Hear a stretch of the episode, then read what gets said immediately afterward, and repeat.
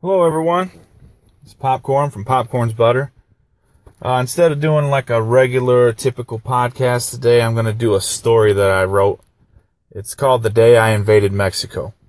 So bear with me. This is a rough draft. Uh, so, The Day I Invaded Mexico by Popcorn.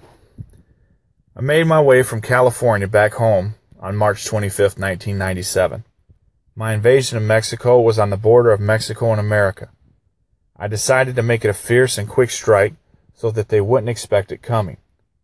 Now, let me stop, stop and say that when one invades a country like Mexico, it is a hard nut to crack, and they have to understand that. She is a strong and passionate country and will not go down very easily. So, where was I? Oh, so I invade quick and fierce. Once I get control and ownership of Mexico, I didn't realize the huge responsibility that would fall upon me as the leader. Keeping the peace, feeding the masses, keeping them warm and sheltered. So fast forward 21 years almost to the day, and I still control this beautiful warm country. And to say that the natives are getting restless is an understatement.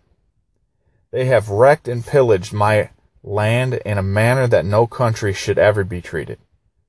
I'm beginning to think about checking papers and finding out who belongs and who does not.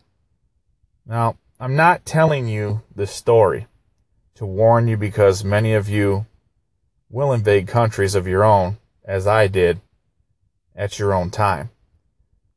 But I am telling you to give you the advice and know that when you do invade a country, make sure that you have many armored troops around you and never leave any men on the field. So that's my story. Uh, like I said, 21 years ago, almost to the day. I think today's March 22nd, so it's three days off. And uh, that's my cautionary tale of invading a country without the proper amount of troops, and you never leave any men on the field. So uh, I do this for fun, obviously, like most of us. I don't think I'll make a career out of it because I'm not that good at it. But uh, comment, call in, tell me what you think, like it, whatever you whatever we do on here. And uh, thanks for listening.